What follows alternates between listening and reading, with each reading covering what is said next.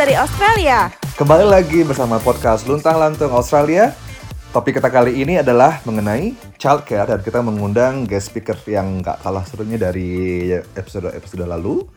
Kita sambut Kak Atrina. Yeay. Halo semuanya. Silakan perkenalan diri Kak. Oke, nama saya Atrina. Sedang mengambil Master of Professional Accounting di University of Canberra. Eh, ibu dari dua eh, twins, uh, Gwyneth dan Agatha. Ada lagi nggak sih? Yang lain? Iya, iya. Oh, salam kenal Kak. Salam kenal semuanya. Oke, sebelum kita mulai rekamannya, Seperti biasa, betul. seperti biasa kita punya pantun. Siapa nih yang ngomong nih? Lu. Aku, aku, aku. Ya. Jalan-jalan ke Surabaya. Cakep. Asik. Jangan lupa ketunjungan beli mar- martabak tip care. Kembali lagi ke podcast Lontang Lantung Australia bersama guest speaker kita yang seru dengan topik childcare. Yeay. Maksa banget. Dalam waktu satu menit bikinnya gimana coba ya? Enggak. Biasanya lebih, lebih garing Mas Benny sih kalau yang bikin. Usaha yang bagus. Oke, um, Langsung aja ke pertanyaan kali ya. topik kita kali ini mengenai childcare. Mbak Atrina, eh, seperti apa sih program childcare di Australia nih? Eh, kayak misalnya fasilitasnya seperti apa, jam operasionalnya, terus tenaga pengajarnya seperti apa gitu. Oh, Oke ya ini yang kita sepanjang yang aku tahu aja ya. Kalau childcare ini kalau aku eh, di di childcare yang aku taruh anak-anak itu dia jam kerja dari 7.45 sampai 5.45. Jadi sep- se- eh, 10 jam lebih ya, 10 jaman. Kemudian dia dibagi tiga kelas. Ada kelas bayi. Kalau kelas bayi itu eh, satu banding empat, satu satu edukator dengan empat anak itu maksimalnya. Kemudian kalau udah kelas eh, toddler itu satu banding lima. Kemudian kalau udah preschool satu banding sebelas. Jadi Hmm. sekarang ya satu banding sebelas. Aku juga waktu dikasih tahu kaget. Wow satu banding sebelas. Jadi kalau toddler itu dari mulai bayi, Hmm. bayinya terserah ya. Mungkin kalau untuk orang tua ya pasti di ASI dulu ya. Kalau untuk ASI eksklusif mungkin tiga bulan baru ditaruh atau enam bulan tergantung dia dapat cutinya, leave-nya berapa. Itu sampai dengan maksimal 2 tahun. Oh. Begitu dia 2 tahun, dia akan ditransisi ke eh, kelas toddler. Itu 2 sampai 3 tahun. Hmm. Kemudian kalau eh, sudah tiga tahun sampai maksimal 4 tahun dia di preschool. Habis itu kindi ya. Kalau kindi sudah di luar childcare ya. Itu udah malah enak kan, malah dibayar sama ini. Kalau pi yang saya lihat sih kalau childcare sini sih semuanya edukatornya mesti lulusan dari early childhood ya. Hmm. Early childhood education untuk pasti ada di semua Iya, iya. room leadernya pasti dia lulusan early childhood education. Jadi nggak sembarangan oh kayak kerja kita ini ya namanya juga kalau sama lah kayak kita kerja di age center atau apa semua pasti punya namanya card untuk uh, with vulnerable person ya. Jadi Hmm. nggak bisa sembarangan kalau udah anak-anak sama orang tua itu sertifikatnya beda. Oke. Walaupun dia cuma childcare, walaupun dia nggak indikator utama, dia tetap punya sertifikat lah. Kita banyak kan kalau Australia itu ada banyak sertifikat-sertifikat yang terkait pendidikan anak usia dini, itu tuh dia bisa diambil ya seperti itu. Jadi yang setahu saya, mereka biasanya udah lulusan-lulusan uh, early childhood uh, education. Jadi mereka punya program. Hmm. Biarpun dari bayi, mereka tuh punya kayak kurikulum gitu loh. Nggak asal saya titip makan kasih makan ini enggak enggak mereka punya program jadi kayak oh minggu ini saya mau ngajarin Oh, oke. megang-megang tanah. Jadi ya, ya ampun mengerikan lah mereka kotornya luar biasa. Tapi itu karena memang prinsipnya adalah kalau buat mereka anak-anak belajar dengan bermain. Kalau kita kan Betul. belajar ya belajar. Kalau mereka belajarnya itu bermain. Jadinya Betul, begitu. betul. Jadi ada program nih. Oh ini mengenal daun misalnya atau eh kita mau kenalin Australia. Jadi kita mau nyanyi lagunya lagu-lagu aborigin gitu. Hmm. Jadi mereka punya kurikulum. Itu sih enaknya mereka Menarik ya. Oke. untuk kalau child ah, menarik kalau childcare. Ah, pertanyaan selanjutnya, berapa Eh, sih Kak batas belum. usia anak? Fasilitasnya Eh, belum. belum dapat makan Oh nggak? iya, fasilitasnya. Atau ah, hmm. fasilitasnya iya loh. Kalau makan depend on childcare-nya ya. Kalau yang punya saya enggak. Oh gitu. Karena ada yang nawarkan makan. Itu biasanya dia taruh di dari awal dia udah kasih tahu dia dapat apa makan siang kan terutama makan siang kan. Cuman kalau eh, morning tea semua childcare biasanya dapat kayak cuman roti bakar atau fruit ganti-ganti lah. Cuma biskuit pakai keju gitu tuh kasih. Biasanya kita taruh makanan kita yang kita masak di kulkas. Nanti dia yang angetin siang-siang dikasih makan bareng-bareng Hmm, gitu. oke. tapi kalau untuk childcare yang pakai makan siang ada pasti ada cuman pasti harganya lebih mahal lagi cuman Betul. aku nggak jadi nggak tahu cuman pasti ada sih Hmm, oke. kalau mau oke. nyari ada Heeh. Oke oke oke. Yang tadi pertanyaan selanjutnya ya kak ya. Eh, berapa sih kak rentang usia anak untuk masuk childcare dari yang awal sampai yang terakhir, yang sebatas akhir dia masuk childcare? Oh itu ya, yang kayak aku sebut tadi dari mulai bayi banget sampai empat tahun. Kalau Oh, childcare ya karena tahun. ah, karena kan kindergarten abis itu kan setelah empat tahun. Mungkin empat tahun lebih lebih mungkin masih bisa ya. Cuman kalau udah empat tahun dia kindi ya. Bukan preschool lagi namanya kan gitu. Mereka sampai usia preschool lah. Dari bayi sampai ke usia preschool gitu. Kalau childcare ya. Oke oke oke. Terus eh, apa aja sih kak yang harus dipersiapkan untuk mendaftar childcare? Dokumen apa yang spesifik yang harus dibutuhkan ketika kita mendaftarkan anak kita ke childcare? Daftar ya. Ini daftar ya, bukan dapat subsidinya ya. Kalau daftar, kalau daftar, kalau daftar ya paling birth of proof biasa, akta lahir, paspor, visa orang tua, paspor. Nanti dia ngasih banyak formulir isian lah kita harus isi. Tapi rata-rata sih lebih ke nomor telepon orang tuanya, siapa yang mau kamu titipin kalau seandainya ada eh, darurat Mm-mm. selain bapaknya, selain maminya, siapa lagi yang kamu ini kan. Kemudian ya pasti sih paspor, visa, air itu apa uh, Australian Immunization Registration itu Hmm. harus. Dia Oh, sudah harus di dalam sistem. Kemudian kalau kita ya kalau kalau belum punya childcare subsidi boleh daftar silahkan. Tapi lebih baik kalau kamu sudah punya. Tapi kalau belum punya pun dia tetap terima. Nah itu bayarnya full ya, Mm, 100 ya? Enggak. sehari? 119 Oh my god. itu yang murah. Kalau yang itu yang murah? mahal-mahalnya, ya, ya, yang dapat makan rata-rata di atas 139 satu hari. Mahal. Satu hari itu. Terus apa yang dilakukan kalau misalnya uang, Uang beasiswanya habis dong. Ya itulah makanya tadi sebelum podcast dimulai Anda bilang kaya itu mungkin. Anda harus coba, coba dihitung, coba, coba, coba. Anak saya dua, anak saya dua. Kali dua. Buset. Ya, ya, ya. Ya, itu gimana kak kalau misalnya belum vaksinnya belum lengkap gitu kak? Nggak akan diterima sih. Oh gitu, terus harus harus daftarin di sini. Eh. buat- Ya, ya. Eh, kalau imunisasi kan kita kan dari Indonesia harus bawa nih. Mm-mm. Awalnya ya harus dari dibawa. Nah itulah yang kita bawakan ke klinik. Ya bisa sih ke klinik, misalnya di kliniknya Monas atau kalau saya aku di kliniknya UC. Mm. Aku tunjukin lah itu. Ini pak eh, apa?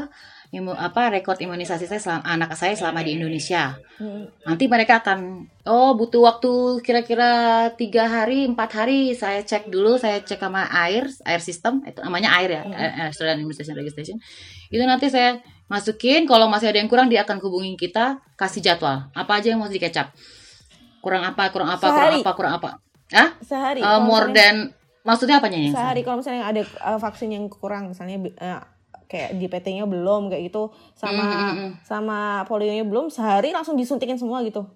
waktu pengalaman aku sih sehari tiga suntikan Waduh. Iya, meningok, Disaster meningok. anaknya. Kalau yang pasti nggak di Indonesia tuh meningokokol tuh. Di Indonesia nggak ada meningokokol meningokokol kalau nggak nggak salah. Nah ada. itu begitu sampai sini disuntik. Cuman terus kadang-kadang mereka beda juga. Yang menurut ID se- bulan segini, menurut dia segini udah harus dikasih. Ada juga. Jadi dikejar semua. Tapi tergantung ya. Mungkin kalau memang nggak bisa dikasih satu hari juga mungkin dia akan berjarak ya. Tergantung dokter yang ngomong ya. Iya iya. Yang pasti kita akan ketemu dokter dulu. Kalau kalau sudah ada permintaan kecap tetap ketemu dokter. Oh oke oke. Mm-mm. Terus kak untuk kembali ke pertanyaan A ya kak ya kayak apa kan kemarin kita sempat ngobrol sama Kamarlin dan Kamarlin tuh mendaftarkan sekolah anaknya tuh di region jadi berdasarkan sistem zonasi gitu. Kalau childcare ada sistem yang kayak gitu juga nggak kak? Sistem nggak ada sih, Gitu. nggak ada, Oh nggak ada. nggak ada. Cuman kalau kamu misalnya anak Monas daftar di childcare dekat Monas, mungkin biasanya suka ada kerjasama ya. Jadi kamu diduluin. Kan tahu sendiri kan eh, waiting list kan panjang. Panjang, Cuman iya. kalau biasanya kalau misalnya aku UC, aku daftar di Kirinari itu apa preschool yang benar-benar ada di situ, apa childcare yang ada di situ, aku termasuk top priority gitu. Jadi misalnya di antrian pun akan masuk antrian atas gitu kalau Oh, kita di gitu. sekolah kita iya biasanya Oh. seperti itu tapi kalau mau daftar di mana yang paling mahal pun kalau jauh pun nggak ada masalah karena kan nggak ada hubungannya ya sama public school ya itu sebenarnya kalau preschool enggak eh kalau childcare enggak Kalau biaya untuk kayak daftar ada nggak kak? Terus sama biaya vaksin gitu ada nggak kak? Kalau daftar nggak ada, kalau vaksin karena wajib juga nggak ada. Oh. Yang penting punya WSH, WSHC ya. Ah, yang penting punya Harus oh, yang penting punya SHC. Dan itu wajib kan, kalau kita mau berangkat kan nggak boleh tanpa SHC kan. Anak-anak dan keluarga kan nggak boleh berangkat tanpa SHC. Oh, oke. Jadi itu udah wajib. Oh, kalau biaya yang dikeluarkan ya kak ya, kalau biaya bulanan itu apakah sama untuk setiap suburb atau berbeda untuk setiap suburb? Untuk untuk model childcare yang sama ya kak ya? Kalau misalnya Untuk model childcare, ra- mungkin kalau aku sendiri bandingin aja kan aku di NU ya daerah NU ya ininya, itu ya paling antar childcare-nya aja beda. Gitu. oh Antar childcare-nya aja udah beda mereka, walaupun sama-sama nggak ngasih makan aja bisa beda. oh beda. Karena itu ya? karena itu depend sama mereka, karena mereka kan pengurus-ngurus sendiri, walaupun non profit organization tetap aja mereka punya ininya sendiri-sendiri, punya manajemennya sendiri-sendiri. Ada nggak itu Hmm. kak yang minimum rate yang ditetapkan kayak di sini kan ada minimum rate yang ditetapkan oleh pemerintah uh, Victoria Kayakku ya? feelingku ya ini ini 119 sudah minimum untuk kelas bayi. Oh untuk kelas bayi Mm-mm, segitu. 119. Welcome back my other house. ya yang tadi tiba-tiba menghilang, kaget saya. Menghilang. Kok tiga bertiga gitu. Yang satu juga. Iya. ya. ya, yang satu bagian teknisi soalnya. dia mati dia sekarang lagi. Terusnya bagus lagi pas lagi berdoa ber- kepada yang maha kuasa ya kan bagus. iya banget bagus banget tuh berdoa harusnya kita foto ya aduh ya ampun terus kak kita sekarang masuk ke yang yang eh, sedikit-sedikit eh, menarik nih tapi kita tentang subsidi ya kayak terus apakah Oh, apa- wow. apakah ada untuk mahasiswa itu ada keringanan eh, untuk biaya eh, sub- ap- seperti ada subsidi gitu untuk biaya childcare di Australia? Oke, kalau untuk subsidi khusus untuk Australia Awardee Mm. ada, tapi kalau misalnya untuk penyedia yang lain saya nggak bisa ngomong. Kalau cuma LPDP sepertinya nggak ada. Oh, gitu. Kecuali dia mahasiswa S3 research ya. Mm-mm. Itu tetap ada. Kalau untuk Australia Awardee yaitu kita ngurus childcare subsidi namanya di buka buka di apa? Kita buka akun di Centerlink melalui MyGov. Itu kita ngurus namanya childcare subsidy. Kita isilah banyak sih yang permintaan dokumennya. Kalau untuk itu dan itu kita bisa sa- dapat sampai 85% Wow. untuk subsidinya. Oh, ya. luar biasa. Asal jangan salah memasukkan eh, jam kerja kita. Misalnya kayak kita nih, kita merasanya kuliah kan dua jam kali lecture apa kali apa tutorial cuma 4, 4 kali 5, 20. Itu nanti ti- nggak akan sama yang di subsidi. Eh kalau kita sebagai full time student Mm-mm. itu kita dianggap 8 jam sehari adalah Oh. kerja. Oke, Oke, jadi oke. pada saat ngisi childcare subsidi itu kita harus isi uh, kerja kita 40 jam satu minggu sama juga dengan suami. Mm-mm. Cuman kalau dari uang dan itu kita juga harus siapin itu bukti-bukti uang kita berapa sih? Dapat berapa sih dari ini? Kita biasa dari awal dari university kita udah minta berapa sih stipend saya yang saya dapat dari uh, Australia uh, Australia Award, kemudian suami dapat berapa, kerja enggak, dapat berapa aja. Itu nanti kita isikan tuh di Centerlink. Begitu dia udah ngecek, oh segini mah uh, segini doang penghasilannya 85% itu udah paling tinggi. 85% lah subsidinya. 100 j- 100 jam per minggu kalau aku. Se- 100 100 jam per minggu. Oke. 100 jam per minggu. Eh 100 jam per fortnightly, sorry. 100 jam per fortnightly eh dapat subsidinya. Kalau Wow. kita ngisinya dikit, nanti kita cuma Bayar. dapat misalnya 80 jam sehingga kita hanya boleh masukin anak 4 hari kan gitu kan karena sehari 10 jam. Ah. Sehari kan 10 jam. Kalau fortnight kan itu kurang jadinya. Kalau misalnya kita isi full time student, ya harus kita isi full time student 40 jam sehingga kalau memang terpaksa banget ya kita harus masuk childcare full ya bisa sampai tercover 5 hari. 85%. Berapa lama Kak untuk mendapatkan subsidi itu, untuk klaim subsidi itu? Ini sangat bervariasi tergantung keberuntungan dan ke, enggak keberuntungan juga sih. Sebenarnya memang tergantung dokumen, tapi keberuntungan itu juga berpengaruh sih. Maksudnya yang pasti kita dokumen harus siap. Satu, imunisasi sih yang paling penting. Hmm. Begitu datang anak langsung harus masukkan itu apa statement itu eh, imunisasi dari Indonesia. Oke. Kemudian kita harus segera kejar tuh semuanya. Begitu sambil jalan sih semuanya. Tapi itu harus kita masukin dulu karena kan dia butuh waktu tuh untuk apa untuk kebandingin karena nama-nama obat imunisasinya pun kadang beda dia juga butuh waktu apa sih di sini misalnya i- beda di sini obatnya beda lagi gitu kan. Ya pokoknya intinya adalah awal kita udah langsung bikin Centerlink account Mm-mm. di online ya untuk via MyGov Mm-mm. kemudian kita lihat apa aja sih yang dia minta dokumen-dokumennya Mm-mm. terus yang perlu kita lakukan adalah yaitu imunisasi anak begitu imunisasi anak udah masuk nanti Hmm. dia catch up kita dia yang akan rekam ke air itu bukan urusan kita nanti eh, dia yang rekam ke air biasanya Mm-mm. butuh sekitar dua tiga hari untuk bisa update kemudian ya start mulai bertanya-tanya kalau dalam satu bulan anda tidak dipenuhi juga gitu. Terus kita nunggu sampai dua minggu kalau misalnya nggak ada. boleh lah dua minggu lah Bo, atau tiga minggu. Misalnya dia nanti nulis "Ah, permohonan anda akan dicek selama berapa hari. Nah begitu dia nggak memenuhi segitu silakan telepon telepon cuman ya teleponnya benar-benar perjuangan lah ya. Gitu memang kita kita harus telepon dari start buka lah mungkin jam-jam 8 kurang kita udah siap-siap. Karena ya memang nada tunggunya bakal lama banget terus juga belum tentu. Kalau aku pengalamanku ya aku lebih baik datang ke Centerlinknya kalau aku karena aku eh gimana ya kalau misalnya aku berapa kali tuh waktu sampai empat kali lebih kali ya lima kali harus ke kantor Centerlink karena trouble di apa immunization registration gara-gara salahku juga aku lupa nama belakang anakku tuh adalah nama keluarga sehingga dia nggak Oh. matching Anta, eh, aku aku bikinin dari Indonesia namanya Gwyneth Vania. Nah, marganya nggak kesebut. Padahal kalau di Australia penting banget Ah. tuh last name kan. Last name itu kalau udah salah nggak jadi nggak matching lah antara Gwyneth Vania dan Gwyneth Vania Nababan tuh orang yang berbeda sehingga nggak nyambung. Itu membuat aku ke, ja- lama banget dapat eh, subsidi mungkin. Wah, tiga selama kali. itu udah udah Harus masuk Gwen sama Ata. Udah, karena udah nggak kuat ya itu. Tapi aku udah tahanin sampai bulan berapa itu ya? Baru sampai bulan September tuh baru masukin anaknya. Juli kan kuliah ya. 7, 8, 9 baru masuk kayaknya. Kalau nggak salah tuh. Menahan-nahan mereka. Cuma udah nggak kuat karena Heeh. mama juga udah pulang. Udahlah masukin aja. Akhirnya cuma dua hari. Dan itu out of pocket semua Wow. 100%. Tapi jangan khawatir pada saat minta subsidi pada eh, dia akan tambah eh, dia akan hitung mundur. Jadi apa yang kita keluarin nanti tetap akan di reimburse sih. Cuman ya harus kuat-kuatin uang sepanjang belum keluar BCS-nya. Oh, oke oke oke. Oh, menarik juga ya, Kak. Kak jadinya berapa, Kak? Setelah dipotong 85% itu jadinya per hari untuk per anak berapa, Kak? Per hari seingatku tuh sekarang kalau full time full week, full week ya lima hari itu aku sekitar 350 370 deh Per dua minggu. Oh, itu udah dua eh per dua anak. Per dua anak. Per dua Dua minggu anak. dua anak. Oh, Dua oke oke. Mm-mm, 380 Oh, gitu. Gak tahu sih. Kadang-kadang entah kenapa hitungan mereka berubah. Kadang-kadang 400-an. Ya, tapi maksimal 400-an lah. Itu Hmm. karena aku dua anak ya. Dan full Oh, time, Oke full. oke.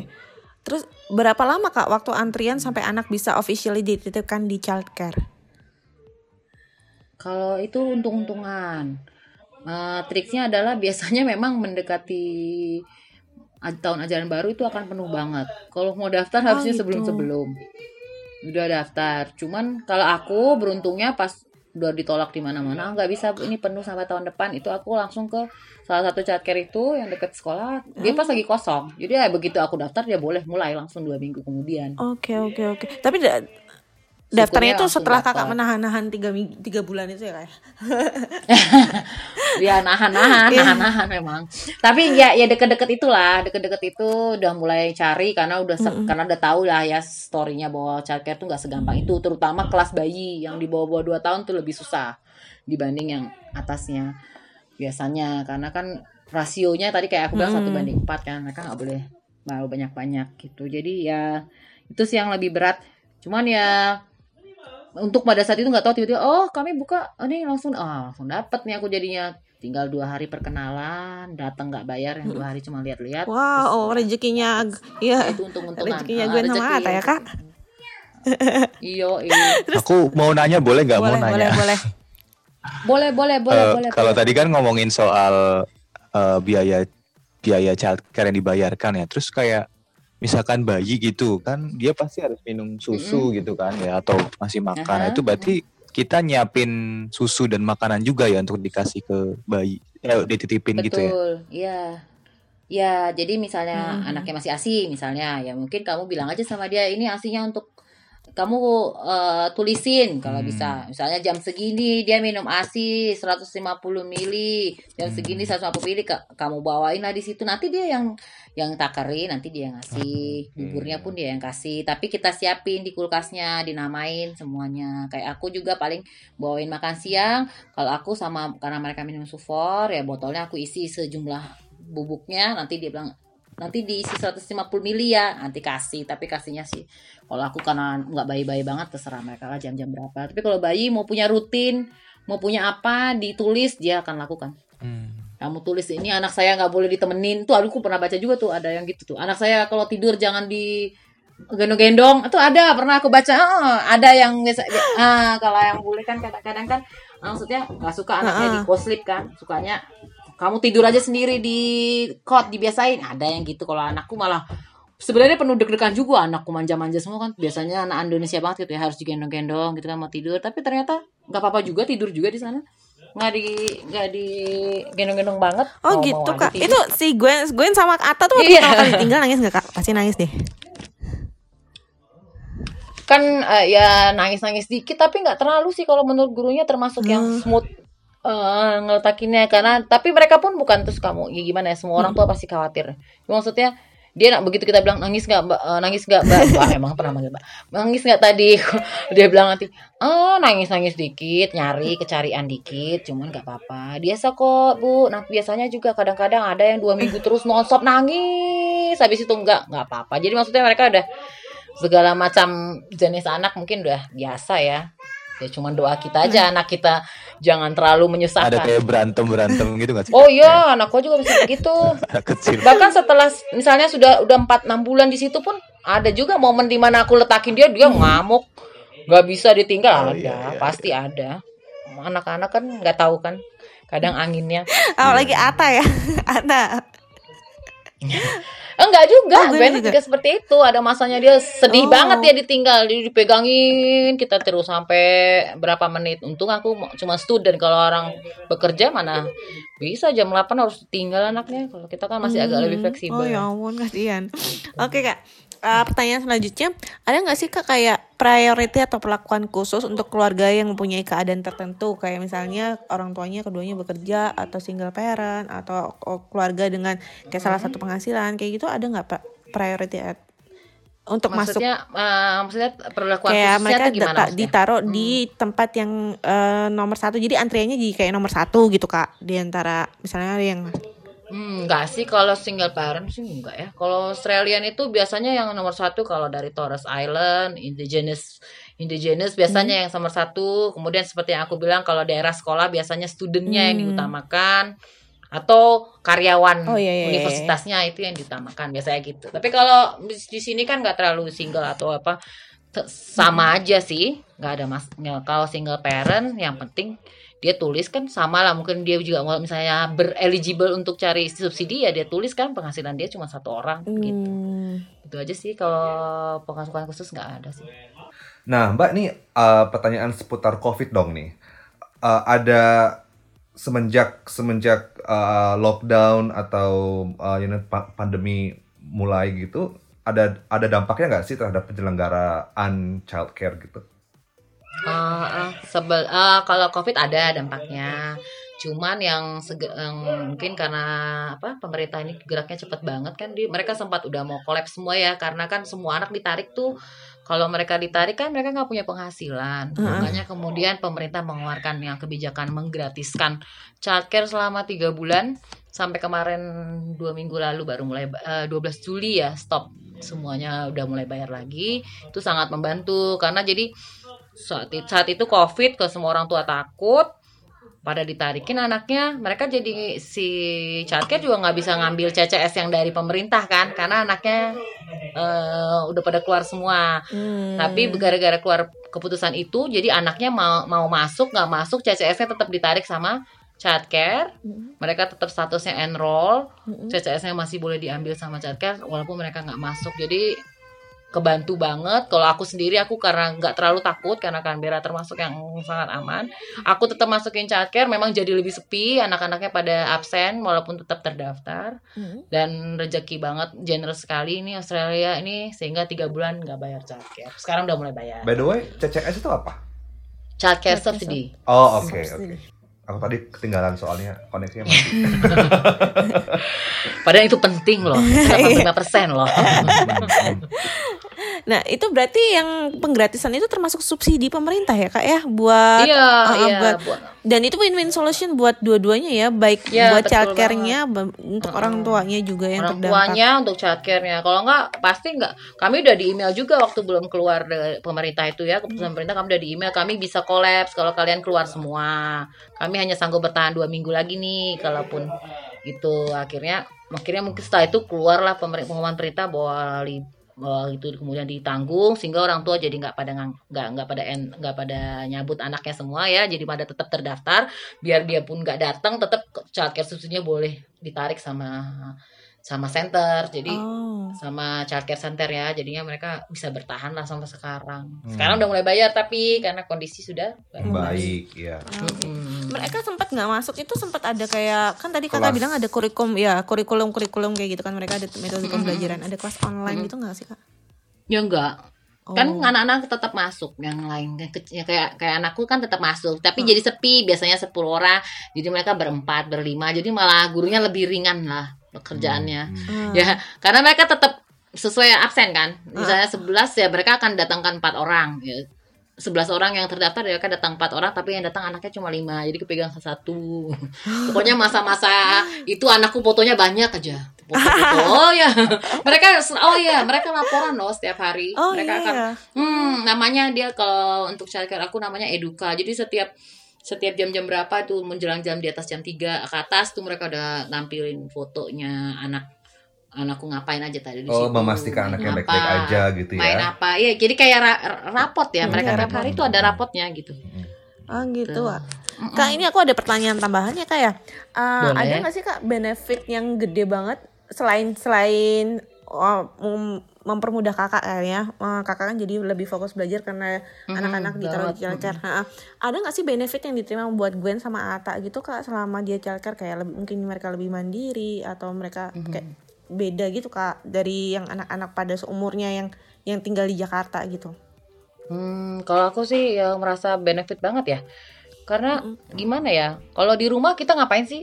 Main apa sih dengan rumah? Ya, Kalau aku kan eh, cuma nyewa rumah kecil banget gitu ya. Mereka kan ruang geraknya juga terbatas. Kalau aku untuk nemenin keluar-keluar terus main juga nggak bisa juga kan sambil belajar gitu. Akhirnya mereka lebih sering main atau nonton TV gitu. Kalau misalnya di Hmm. sekolah kan mereka nggak mungkin nonton TV kan gitu loh. Main sama teman, banyak mengeksplor sesuatu, main kotor-kotoran, gak karu-karuan, main main chat. Jadi aku merasa kayak apa ya? Ya terbantu banget. Aku juga kadang mikir, ih, ntar kalau aku balik lagi ke Indonesia, itu Gimana mama- kabarnya ya, betul. itu mama pembantu ya kan? Iya. mau, ngapain? Mau ngapain kita? Gitu loh. Kan nggak mau ngapain sih seini ininya orang kan pasti sibuk kan? Gitu loh. Tapi kalau dikhususkan seperti itu kan dia jadi main gambar makan sendiri. Oh, kalau udah luar kelasnya biasa. anakku makan sendiri. Ya cuman di rumah tetap aja ntar balik lagi disuapin.